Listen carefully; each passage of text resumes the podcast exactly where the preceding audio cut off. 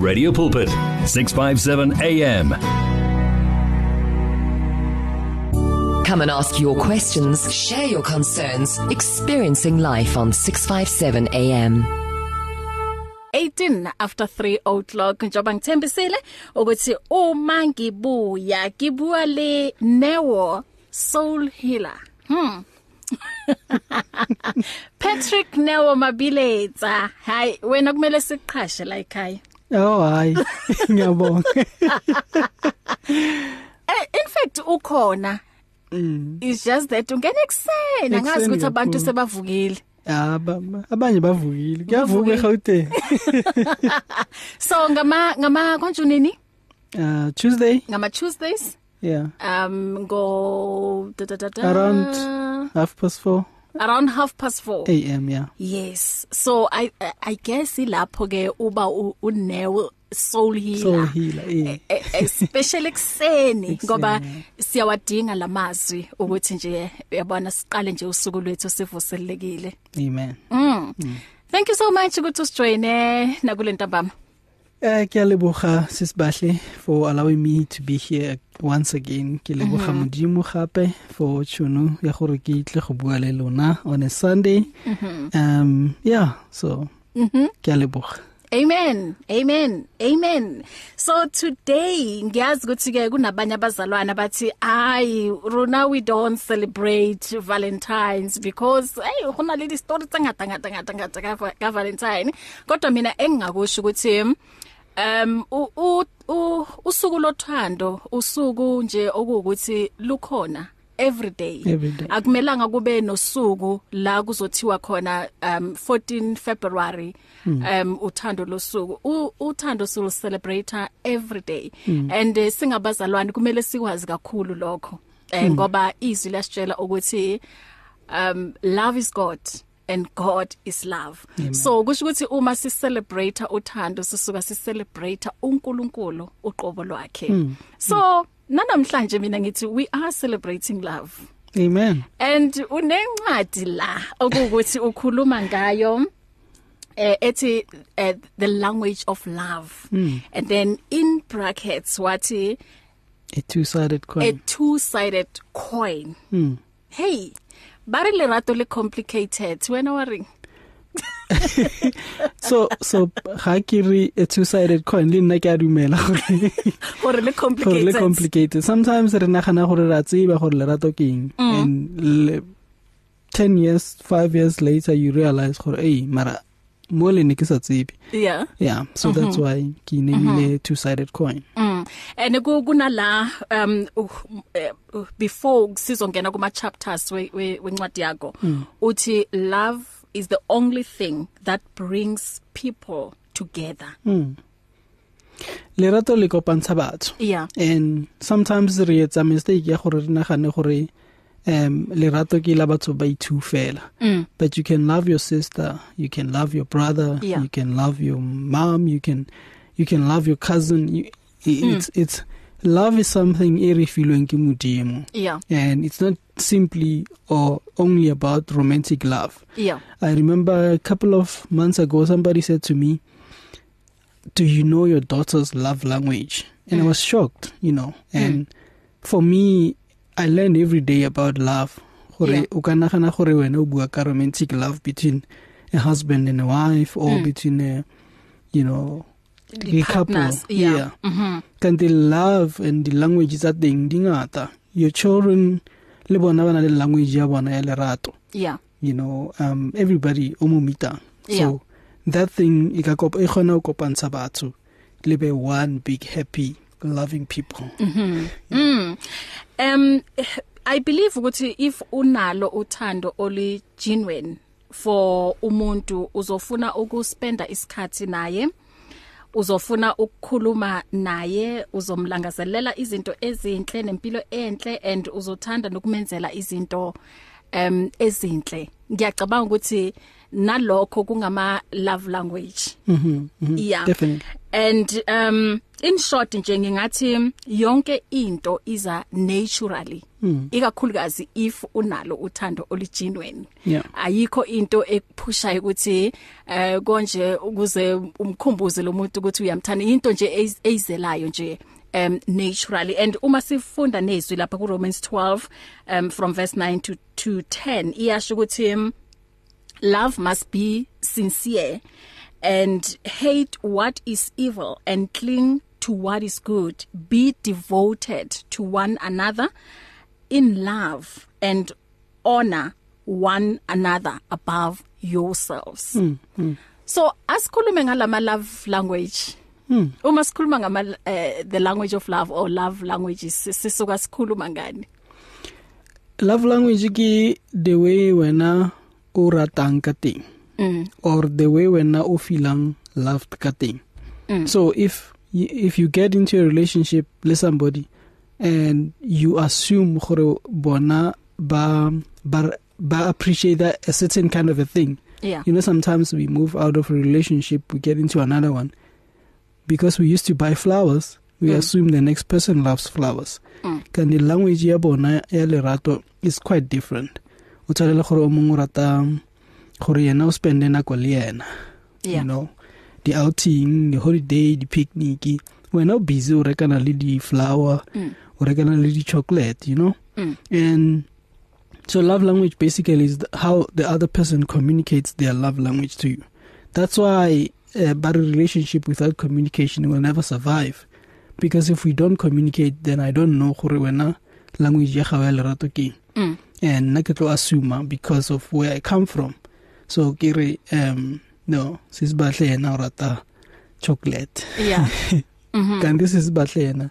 Chocolate wa e rata mara ga se love it, language. it doesn't make her feel loved. Yeah. It it it ke ke ke ntho e ratang it's it's a favorite food for her. Mm. But if you if you take her out on you know a romantic dinner on a boat she will love you forever because Mm. that's her love language. If you spend a lot of time with her she will love you forever. That's her love language. Mm. If she talks and then you listen to her you are compassionate and and she knows that she can come to you anytime she wants to talk. That's how she communicates love. Mm -hmm. so Mhm. yeah. So kusho ukuthi uma ningabantu ababili because angithi msuka nihlangana ningazali mm. so kusho ukuthi lo kumele afunde lo i i- i i love Language language yakhe Mhm. nalo naye afunde i love language yalo Yes. so uma uyifunda uyifunda uyabuza or uyabuka you know there are people who prefer watching yeah But when you're watching somebody, there's a lot of things that you can misunderstand. mm It's better to ask. mm And I prefer asking to say, you know what, what makes you happy? mm And I think you should ask that before you even um, commit into a relationship. Because somebody will say, um, what is your love language? They are already six months down the line. mm o mongwe a ba re nna ke rata ha mfa tšhelete wa bo mm. kanti wena ha ona yona tšhelete and Mm. you are there already mm So basically, it's better to just ask, how do you communicate love? What is your love Yeah. language? What makes you feel special? mm What makes you feel important? Ke eng e important mo bophelong ba hao? Ke eng e go etsang gore o itumele o utlwe le wena gore no mara mo ke a ratiwa, mhm you know? Mm. And and and like asking is extremely important. yeah Mm. Mm. So kahle hle kusho ukuthi we learn how to love be, um because of who we are with. Yes. Um kusho ukuthi uma ungena uphuma uzogcina uconfused uma umuntu. Yes, U- yes. u- And yeah. Mhm. and we can even look at it spiritually as well. Mm. um, when God said um, the two shall become one, you know, if if you are in a relationship with somebody for five years, you become one with that person. Mm. You basically understand them. Um, sometimes without even talking, when you come back from work, you look at them in their face before you greet them. Mm. You know that uh, today is not a good day to give a hug or whatever. It's just leave her alone and she must calm down first. Mm. You know, you basically your blood mixes together and you become one. Yeah. Now you move away from that relationship um you are used to loving a person in a certain way. And you like no you assume that relationships are simple because your previous one was simple. Now you get into another one. You expect it to be as simple. Now you don't put much more effort because you think you know what happens. When you come back home somebody doesn't look happy um you ignore them to give them space to calm down. But you realize that's what you used to do in your previous relationship. The person that you're with now wants you to say baby what is wrong?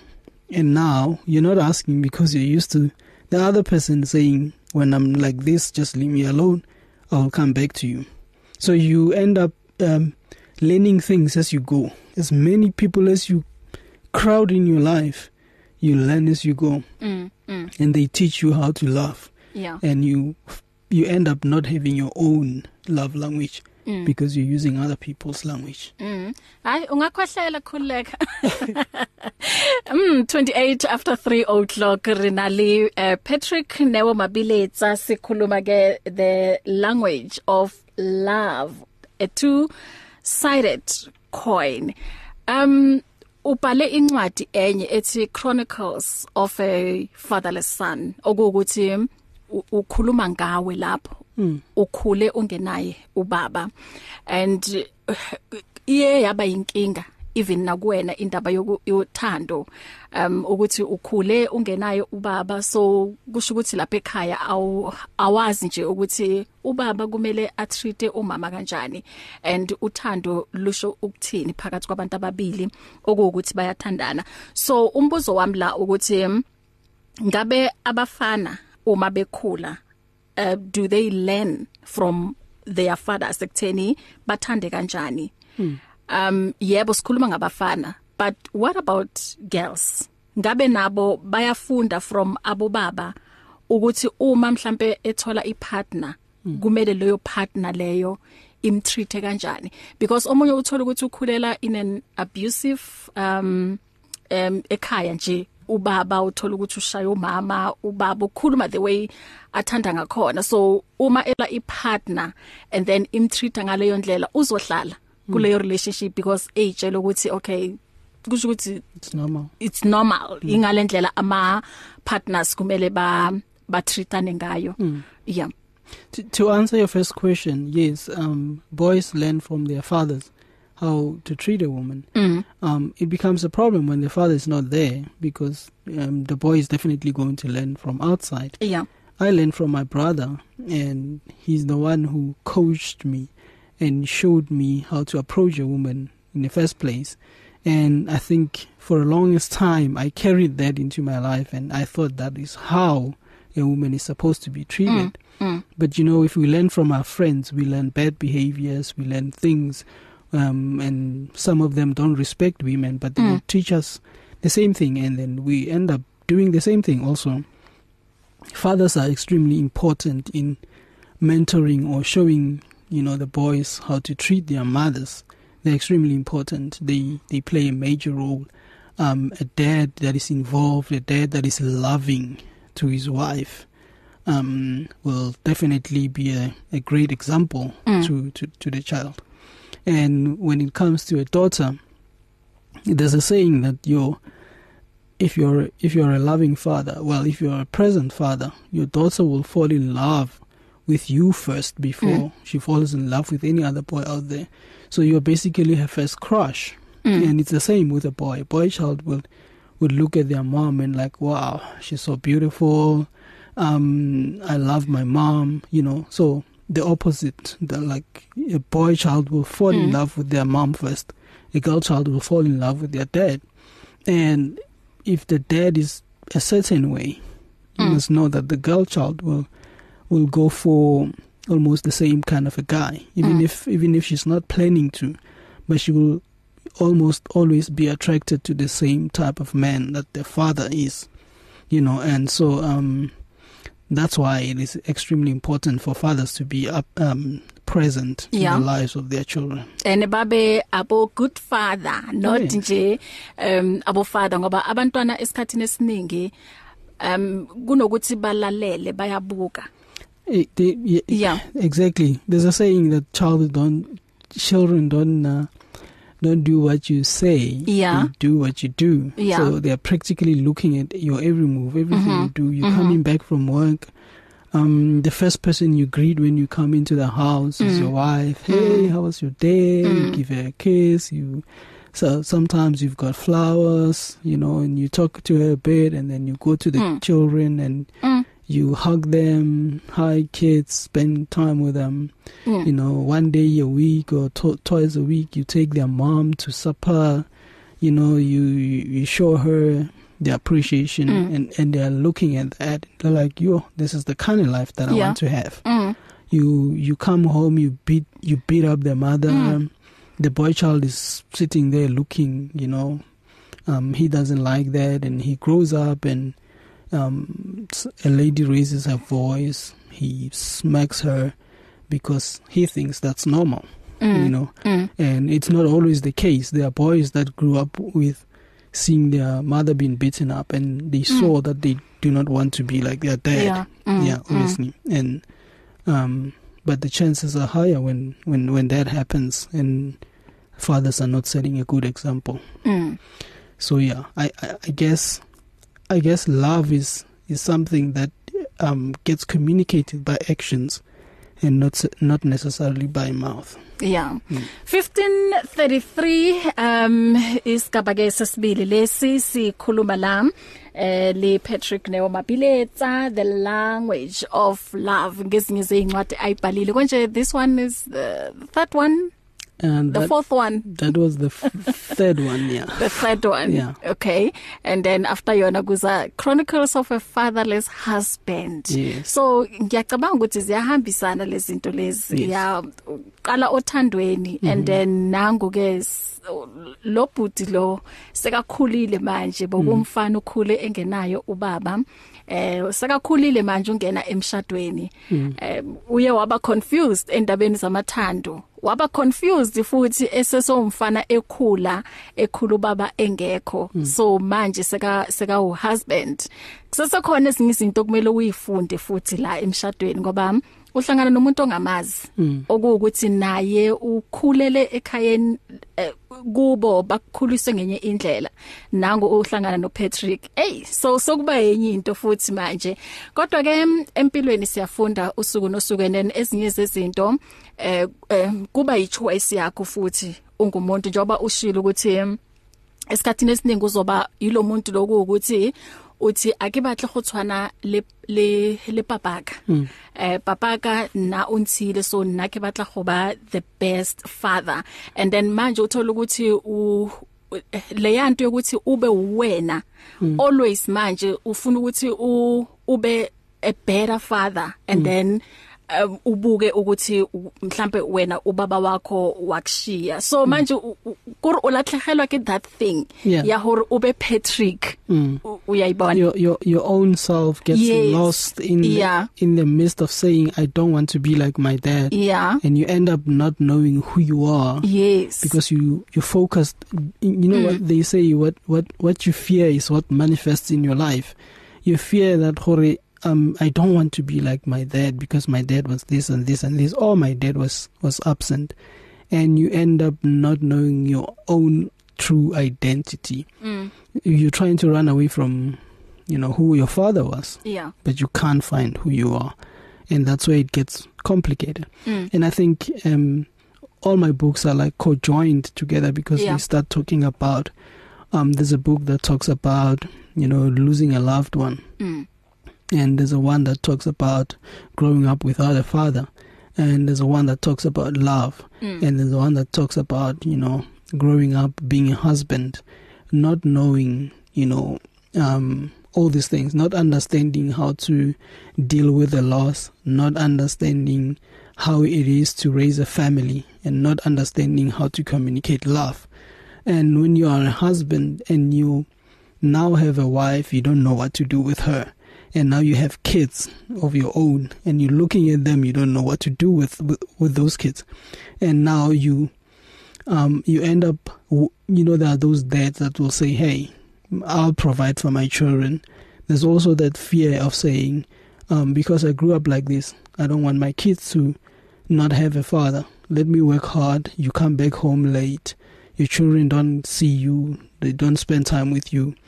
Because you don't understand what it is to love a family you don't understand what it is to love um your wife. And and you become that um instead of becoming a blessing to them you become that the curse that's that's there to supply food and make sure they have clothes but you're not physically there.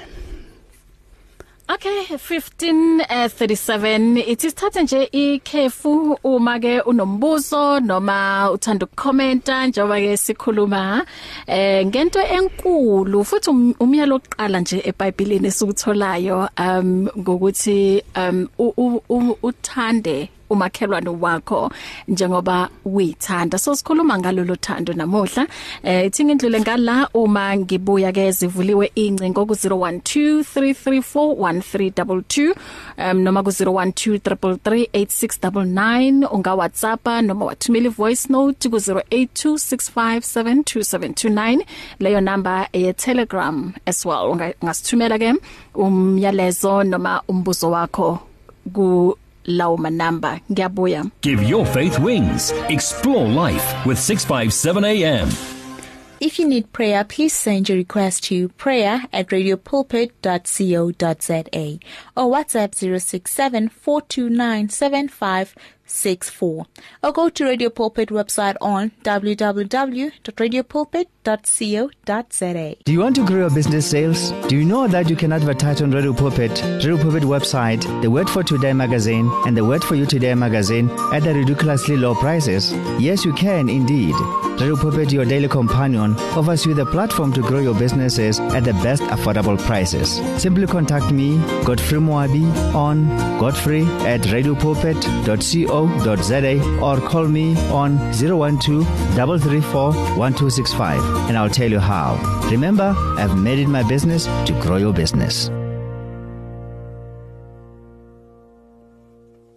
657 AM Streams of Blessings 0123338699 ungakhuluma nathi ungakhuluma eh, le abuti Patrick Neo Mabiletsa eh mhlambe usase confused awukayazi i love language yakho. Nangu khona la em uzokusiza ngalokho. Or sometimes unokuthi hayi yazi mina umuntu wami ngim understand namhlanje kanje kusasa ukanje mhlambe inkinga ukuthi awukaka understand i love language yakhe or eh, naye akaka understand i love language yakho so ila uthola ukuthi eh inkinga iba khona. 1539 0123341322 noma ungathumela voice note ku 0826572729 so if ababuzi abut Patrick kusho ukuthi hayi ba right. Kusho ukuthi basorted basorted baya understand baya understand yes. Okay um Eh sisalindele njalo ke incingo um noma ke ama voice note. Uku ubhali something very profound la ku chapter 5 uthi love is an emotion of peacefulness that comes to bring you joy and helps you enjoy life to the fullest. With that person you value and respect uthi love is not about what I can get from you but what I can give to you mm. unga ungayindlala kancane leyo ndaba you know sometimes we we dwell in the things of the past um i i always say don't leave your present your presence mm. that present ska phela hona je as if ke ke ke ke na go efitile yeah yeah because sometimes we focus on what went wrong in the past and we forget that we can still be here at the present moment and mm. enjoy it and and love who who, who we are with yeah. you know you are married you have a nice family of uh Tando Daddy MJ mm. yes Mangete you know and and and you you enjoy that moment because God has given you that time mm. to enjoy it but you're focusing on you know what went wrong in the mm. past mm. love is about being in that moment yeah enjoying it with your family, mm. with your beautiful wife or beautiful. I don't know if you can call a husband beautiful, but abanye bayasho. Yeah. Anyway, there's nothing wrong. Uh, amen. so yeah. So we need to treasure that special moment. Be mm. there, be joyful and we need to stop this thing of saying I want to get into a relationship to benefit something. Mm. It's I know we need to benefit, but that shouldn't be the the main purpose of getting into a relationship. Yeah. Um, you will obviously benefit. Somebody grows your mind. Somebody you know holds you know you together, and you become one warm mm. couple basically. Mm-hmm. Um, you benefit from each other, but that shouldn't be the main reason because yeah. people get into relationships because uh, this person can aka godisa bophelo ba ka or yeah. this person aka change bophelo no it should be about what you have to offer yes somebody shouldn't say um you know um i want to be with you mm. so that you can offer me something yeah it should be i want to be with you so that i can grow with you mm. and love you and nurture you and treasure you mm. you know the bible says um a woman's um a woman's mo lenyalong mosadi o rata monna wa hae ya mosadi oh mosadi o hlompha monna wa hae and yeah. monna o rata yeah thank mm -hmm. you and monna o rata mosadi wa hae mm. and that's how it should be yeah. yeah that's the only expect expectancy that should be there yeah to grow you mm. and make you the the power couple. Everybody mm-hmm. wants to be a power couple these days. And so. it's true yeah. because um uma ubaba ebonisa umama ukuthi umthanda kangakanani irrespect um noku submit kuye kuza naturally. Mm -hmm. But if awumbonisi lolo thando, hey kuba nokudonsa donsana um emshadweni so um asiyela kuma um, uh, WhatsApps uh mangethe um bongani the author ne Yes. yeah. Uthi dad acri ah acronym. acronym. Yeah, u u isilungu les. Yeah, isilungu ngiyasibona. Uthi lo dad lo umeleni uh, I mean dad waka DAD uh, uthi dad absent doomed Hmm. Uthi may the Lord help us from this pandemic. Thank you Uncle Newo uh, from Utando, Daddy, Mommy and MJ uthi ke eh bakulalele Uncle Newo bakulalele lapha ke kaZwani. okay, hi Newo, where can I find your book Time Heals? Does time really heal? I kanjani title ne? Mm. And uthi uh, love language it sounds interest it sounds interesting uh to read. I have seen you go facebook. You are a celeb. Okay. Or to keep up the good work. I didn't see that one coming. Yeah? Mm. okay asizwe la i voice note. Ukhali mambo lo hayi asizwe.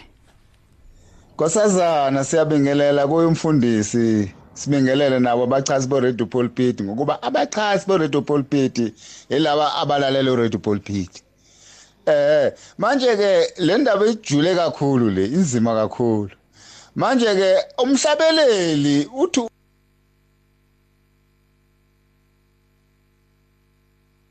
Alright siyaxolisa siyaxolisa siyaxolisa oh yipi lena ne? I think is this one.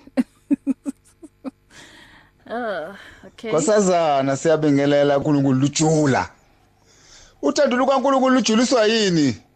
Ukuze lungakhona ukulinyazwa, ukulimala ngezenzo zabantu. Kungako lujula. Kungako lube banzi. Uyabona iring leyo mshado. Le abantu bayigqoka uma bawushada. Yeah. Eh le ring leya. Mm.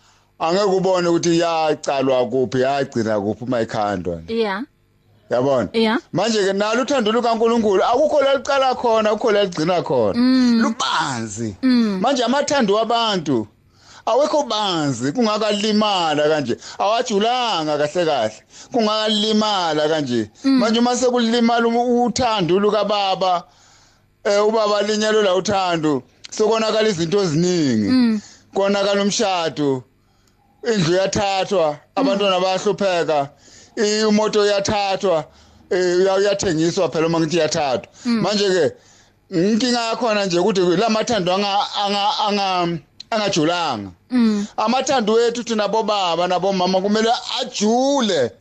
Kanti mama nkosazana hayi ngiyakuzwa ajule. And hey yazi uyibeke kahle indaba yering ukuthi ayikunala iqala khona futhi ayina la igcina khona so uthando kumele nje lube njalo yazi luhambe nje kungabi nala eh lugcina khona sithole enye i voice note lana from the Zwanes Hi Uncle Nero. Hi Sister. Hi Radio Pulpit family. Hi Nero, we love you. We are listening. We are tuned in and we are so blessed by the program. Thank you Sis Batle, Mom Jeffro. Ngiyayithanda le family yazi. Okay, yo siswam u yo usiswam uhlala ethi si siyeke nini ubuyile angisazi eh confused angikaze ngimbona nomuntu noma athi siyeke jikijiki uyabuya um okay okay uthi uh, okay kusho ukuthi umuntu anaye in relationship okusisi lana ne? Uthi uhlala athi kuyena asiyeke like bakhawugane ne? Mm. and then siningining abuwe happy. Um athi ay asiqhubeke ngothando lwami. So u confused ubaba lana awudinewo mm. mm. Oh athi usise athandana naye uloku athi asibuyelane and then athi abuye futhi asihlukana siyeke yes and uthi akakaze ubhuti uthi akakaze ambone anomunye umuntu like maybe mhlawumbe ucabanga ukuthi umove on or maybe there's, there's someone else. That is why bahlukana and then abuye futhi. Mm. Mm. you see I, I harimona to to tell people gore ba hlukana le batho ba bona mm. and oh, but we also not here to say bambezela because batho ba bangata ba ba bambezela even though wabona gore but this person doesn't appreciate you love is about appreciating each other mm. and if u feel gore somebody ha go appreciate enough um there's a there's this thing gore people are there but they are not scared to lose you mm. because if if somebody is not scared to lose you then they don't value you ga ba bone value ya gore ba be um ba be lwena in a relationship yeah and if somebody can say um dump you today mm. and next week comes back and say um no uh, bengidlala asibuyelane mm. big um that person doesn't care about hurting you over and over again mm. because um how wena umurata ule committed ko yena the game iketsa eng mm. love is not about games mm. so i'm not going to tell you to leave i'm not going to tell you um to keep taking her back mm. but i'm going to tell you gore do you feel appreciated you Mm. need to, you need to feel appreciated you need to feel loved love is not about games put Mm. your foot down tell her to stop the games if she doesn't stop then i don't know Mm. you decide what you're going to do Yeah and I think ebuyela kule motivation esitholile earlier on usis market ethi love yourself first hmm. I think yabona ubhudi la mangaqala lapho Yeah. uzobona ukuthi okay in- uh, am I valued lana Mm. of kanjani ngoba usuka ezithanda yena and Yeah. uma uyithanda kusho ukuthi angeke ufune ukuthi uzwiswe ubhlungu Hmm. um angeke ufune ukuthi uphathwe ngendlela um engabonisi ukuthi you are being appreciated Mm. njengoba usho um so njengoba usho ke eh, but now ukuthi Mm. sokukuyena manje and and uh, Yeah. sorry to interrupt you sis Bahle it's easy for us to say ukuthi um if you don't feel appreciated do something about it because Mm. sometimes umuntu uyamthanda ngenhliziyo yakho yonke you know? Yeah. and uyayibona lento leyo and Mm. then ab- abuye adlale ngawo. Yeah. And abantu bonke bavele bathi hayi man lo muntu udlala ngawe. Mm. awumboni. Wena uyabona but you can't afford you feel ukuthi you can't afford to live without that person. Mm, so you mm, keep taking her back. But remember ukuthi it is destroying you inside. Yeah. Iyakulimaza for the future. Mm. sometimes one day that person is going to leave and then you're going to wait and hope that they are coming back. They will change their mind next week and they'll Mm. be gone. You'll Mm. be broken forever. The next person that you're going to meet it, things are never going to be the same. So Mm. you're hurting yourself. Um you're destroying your own emotions about love. Your own understanding of love is changing yeah. because Mhm. they keep hurting you. You're going to meet somebody else and think oh libona they're going to leave yeah so just protect your own heart protect your own future and love yourself like Mm. mm. sis Butler you said love yourself you will understand that if you love yourself so much somebody else shouldn't do that to you Mm, mm, mm. 15 uh 52 sikhuluma i love language ku lentambama le author Patrick Neo Mabiletsa um kunomunye la akashongo igama kodwa siyambona la. Uthi people people know each other's love language and use it to hurt each other. How true is that? It's extremely true. Mm. people but but but like we said you have to appreciate yourself first Mm. that when people try to hurt you you know that you are content with yourself Mm.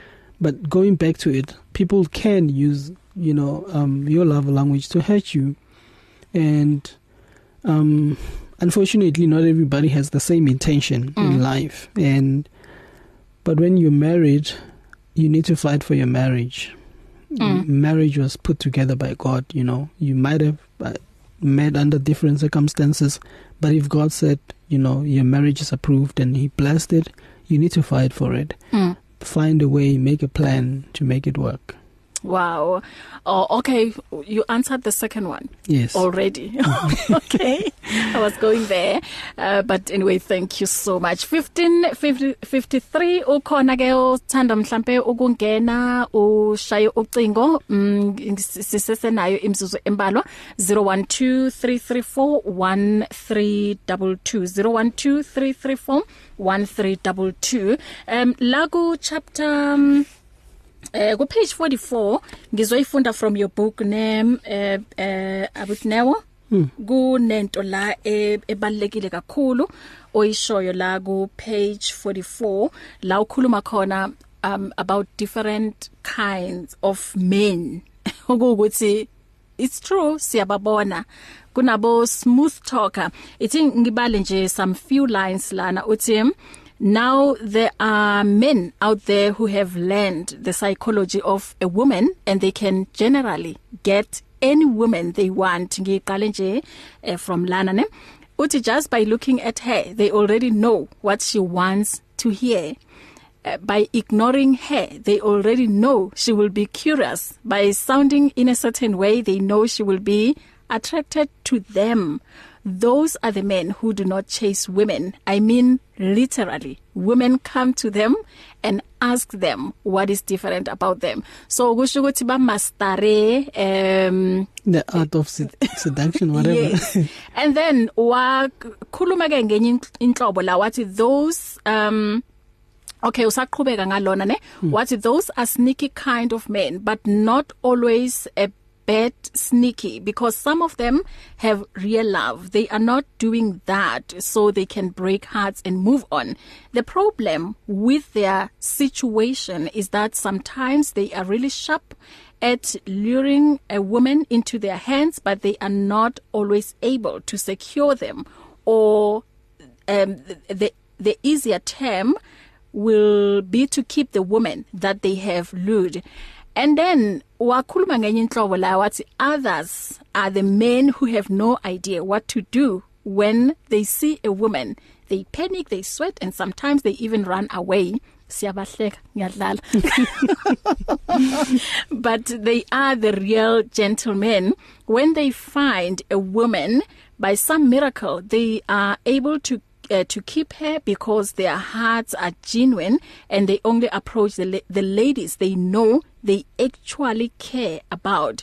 As opposed to the smooth guys sometimes all they want to do is practice their skill on a woman and then she falls for them. But then they have no idea how to handle it or how to handle her because they were practicing and sharpening their skills. Mm. the girl said yes and now they don't want to hurt her so they get stuck with her uma bethanda ukwazi kabanzi ukuthi kuneyinhlobo ezinjani. I i guess kumele bathole the love language. They have to get the book yes. Yeah yeah. Okay so um, okay ladies siza ke the ladies ukuthi sidila kanjani especially ngalaba abasneaky you know remember the book is written for for the purpose of of educating human beings about yeah. their their languages and and what to be aware of and and and there I was serious about you know um the kind of man that would lure a woman but not know what to have no idea what to do with her mm. um they just they just lure you and um because they are there's this thing inside them that says I want to see if I can get her. Mm. And they get her, then, you know, just it was a practice. Mm. And then they hit the target, and then yeah. now they have no idea what to do. And um, they end up with four, five women, and mm. they don't know what to do with them.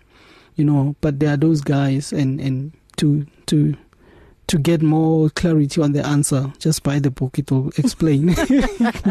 Okay gune yeah. follow up uh, comment there. Mm. mhm um oh it's a question i i guess yeah. Ngoba in a question mark?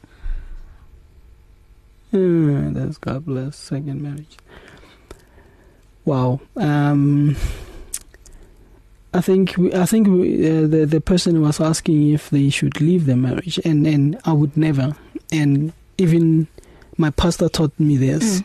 that um never look for anything that would um excuse you from your marriage yeah marriage is is a covenant and mm. and and this person is asking is saying that uh, they are on their second marriage mm. and um I don't know if the kids involved or anything like that but I want to say um marriage is is unless there's um, physical abuse, mm. unless there's any other thing. But the Bible doesn't allow marriage, um, um, rather divorce, um, unless under heavy circumstances. This is this is a heavy one for me because um, marriage is extremely important. Um, this person doesn't say whether they are being abused or mm. what. Um, all I can say is just just hold on um, and maybe you can send me an email and we can talk about it some more. Yeah. Um, I'll give my details afterwards. Or atoli counseling. Yeah. Yeah. Yeah. Or you can go for marriage counseling. Marriage yeah. counseling, yes. Mm. Um I would now isikhathi sethu isona esingasavumi la. Um uma sivala nje in 1 second ungathini? Mm. Love is beautiful mm. when it's reciprocated. When the person that you are with loves you back, you know, appreciate mm. it. Show them um, that you also love them. Show them that you appreciate them. Don't just receive love. Give love as well. It's a beautiful thing when it comes from both, um, mm. you know, two, yeah. uh, two people. Mm. So appreciate it. Okay. Omunye uyabuza lana um asithathe nje in a minute nje uthi what about when there is too much emotional abuse? I'm at a point where I don't want to fight for marriage anymore. Emotional abuse. Marriage is worth fighting for and mm. and, and I'll keep saying that. Um I'm not going to tell anybody to leave their marriage. I'm going to keep saying that. Mm. Um, mar- marriage is worth fighting for and we are Christians. Mm. we are Christian we know where our solution is. Yeah. we know that we need to pray. You know sometimes we look at mistakes in our marriage but we forget that God blesses the marriage that is uh, founded in in the foundation of Jesus Christ. Mm. just just go down on your knee and pray for your marriage. Speak to God. Read the word. And God will give you solutions. Mm. I'm not going to tell anybody to to quit their marriage. That that that is that is not from God. Um, but but remember also that God loves you Mm. and he wants to see you happy. yeah Yeah. thank you so much bakuthola kuphi Um on Facebook Patrick Neo Mabiletsa. Uh WhatsApp 071 957 4623 I'm going to repeat that 071 957 4623 Instagram author underscore neo. Uh, it's actually Patrick underscore neo underscore author. Mm. yeah. Mm. Thank you bangakuthola ku Facebook u, u, u very active angithi. Extremely. I think so. Yeah um, Except on weekends I try not to be on on Facebook Yeah. on weekends but mm -hmm. during the week I'm there yeah, yeah okay so bangakuthumela um, um, um bangak DM anything. Yeah bangaku WhatsAppela ikakhulukazi kunomunye bekabuza bekabuza la ukuthi angayithola kanjani incwadi yakho. So angakuthumela iWhatsApp ku 071 um 9957 957 Yeah. 4623 4623 Yes. uh, Patrick Neo Mabileta on Facebook. Mm -hmm. Thank you thank you thank you Thank you sis Basha I appreciate it. asipracticeni bazalwane um i love language um sifunde from ama partners wethu um kuma spouses wethu ukuthi yini emjabulisayo na nawe ufunde kulomunye ukuthi yini em emjabulisa ngaleyo ndlela. Ngempela singaba nemishado emihle. Em isigaba ke sokugcina lesi njengoba selishayile elesine ihora 3 after uh, 4 o'clock. Em sizongena kwi discussion yethu. Kanye no Mamphumla Gray ekanye nomfundisi uThomas Mchunu sisaqhubeka ngendaba ke yama relationships. Sizozwa ke from a man's perspective siphinde sizwe futhi from a woman's perspective. So uma unemibuzo mhlawumbe ungubaba ufuna ukuthola into ethizeni or kunento econfuseayo kunento ongayiunderstand when it comes to women. Ukhona uMamphumla Gray uma ungumama and nalapho ke uthola ukuthi kukhona okuconfuse when it comes to men ukhona ke umfundisi uThomas Mchunu angakwazi ukuthi ke akusize lapho. Mm ithi ke siye kubona la ngalomhlabelelo kaTasha Cops ethi Overflow. You can now buy your favorite programs and series of the past 38 years on eCompanion, Radio Pulpit's own online shop. Revisit programs by beloved presenters like Justice Chungu, Cecile Burger, Esti Geldenhuys, and Pastor Aaron Jelle. Books and CDs from various authors and artists, as well as Radio Pulpit t-shirts, caps, and other branded products will also be available on eCompanion, your one-stop soul food shop. Visit radiopulpit.co.za and click on shop. T's and C's apply. Do you want to grow your business sales? Do you know that you can advertise on Radio Pulpit, Radio Pulpit website, the Word for Today magazine, and the Word for You Today magazine at the ridiculously low prices? Yes, you can indeed. Radio Pulpit, your daily companion, offers you the platform to grow your businesses at the best affordable prices. Simply contact me, Godfrey Moabi, on godfrey at radiopulpit.co.za or call me on 012 334 1265 and I'll tell you how. Remember, I've made it my business to grow your business. It's more than radio, it's a way of life. It is 657 AM.